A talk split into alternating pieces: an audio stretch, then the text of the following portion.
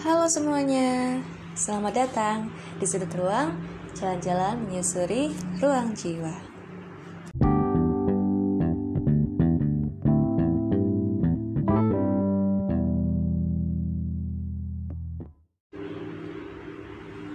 Aku itu emang nggak punya jadwal rutin buat bikin episode baru di podcast ini karena memang podcast ini aku gunakan sebagai tempat atau diary suaraku gitu. Tentang apa yang aku pikirin, apa yang aku rasain. Dan sebetulnya beberapa waktu yang lalu itu pingin banget bikin episode baru. Tapi nggak tahu kenapa kayak momennya itu belum tepat gitu. Jadi nggak terlaksana.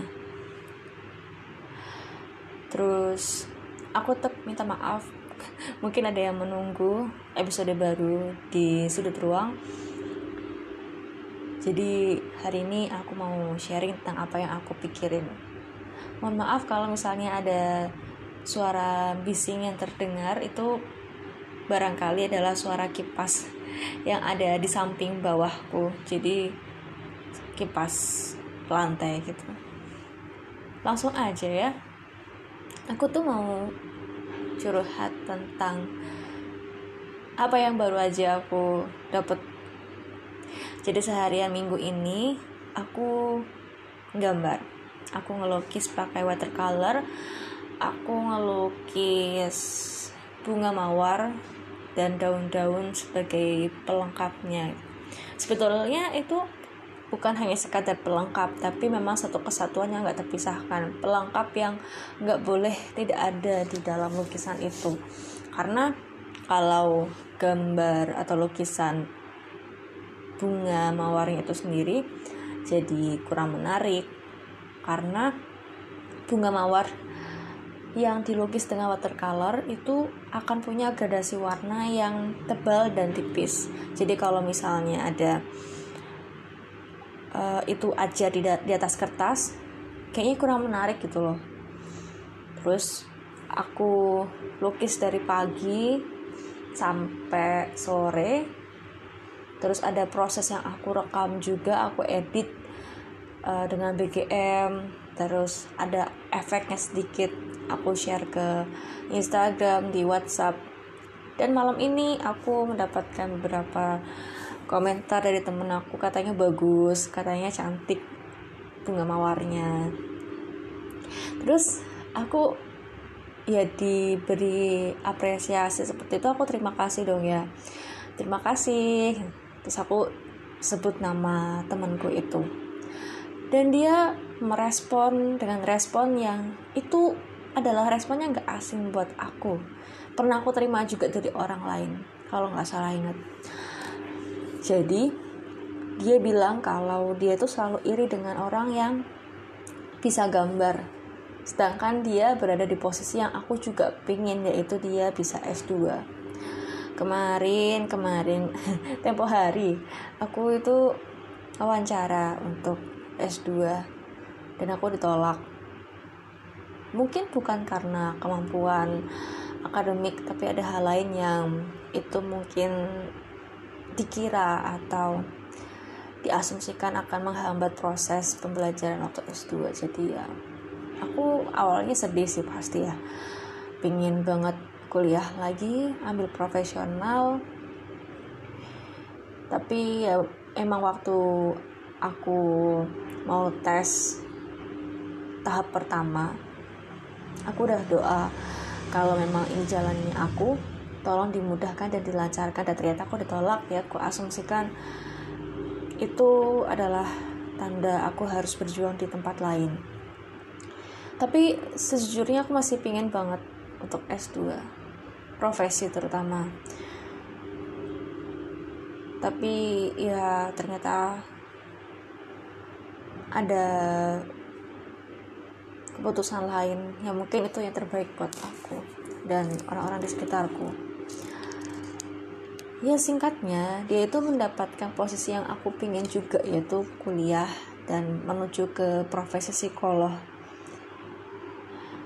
Dan dia katanya iri dengan orang yang bisa gambar like me kayak aku. Padahal aku juga belum expert atau pro banget itu enggak belum. Belum aku masih mencoba untuk menuju ke sana. Jadi aku latihan gambar latihan lukis lebih intens daripada sebelum-sebelumnya. Agak aneh ya. Ketika kita mendapatkan sesuatu ibaratnya suatu keberkahan suatu bakat karunia anugerah orang lain pun juga mendapatkan hal yang serupa tapi dengan um, apa ya cerita yang berbeda kemampuan yang berbeda kesempatan dan momen yang berbeda kita sering kali merasa kita ingin ingin seperti dia ingin punya hal-hal yang dia miliki. Dan mereka pun juga mungkin memiliki perasaan yang sama atau pikiran yang serupa dengan kita. Tapi itu cuma berandai-andai kan. Dan kalau di dalam um, Al-Quran itu aku pernah baca ada tafsiran gitu kebetulan di Al-Quranku. Itu yang aku ingat-ingat sampai sekarang dan aku jadi pegangan itu kita nggak diperbolehkan untuk terlalu banyak berandai-andai karena mungkin kita takutnya jadi tidak bersyukur mempertanyakan keadilan Tuhan yaitu keadilan Allah dan sebagainya. Kupikir itu memang tidak baik untuk dilanjutkan. Ya bolehlah. Tapi untuk sebagai insight bahwa ya manusia itu nggak ada yang puas dengan apa yang dia miliki sekarang. Dan waktu aku ditolak S2 kemarin aku kayak yaudah memang aku punya plannya lebih dari satu tuh aku punya plan A B dan C. Ya at least ditolak kemarin itu ditolak S2 mungkin itu sudah cukup membantu aku untuk mengeliminasikan prioritas yang tadinya aku jadikan prioritas pertama jadi tidak prioritas atau prioritas terakhir. Karena bisa aja suatu hari nanti aku ketika udah cukup uh, segalanya persiapan mungkin aku bisa coba lagi di lain kesempatan. Jadi itu prioritasnya mundur banget dan aku masukkan prioritas sebelumnya yang di belakangnya itu tak, majuin gitu. Ya kita manusia memang punya banyak keinginan kita punya rencana tapi lagi-lagi Tuhan itu yang atau Allah yang menentukan nasib dan takdir kita sesuai dengan usaha dan doa. Seperti itu. Of course, of course. Aduh, suaraku. Tentu aja aku juga sedang me memahami lebih lanjut tentang apa yang aku capai sekarang ini karena di usia-usia aku ini memang insekuritas bisa jadi suatu hal yang mengerikan karena waktu yang sudah semakin mepet dengan tugas perkembangan yang lain.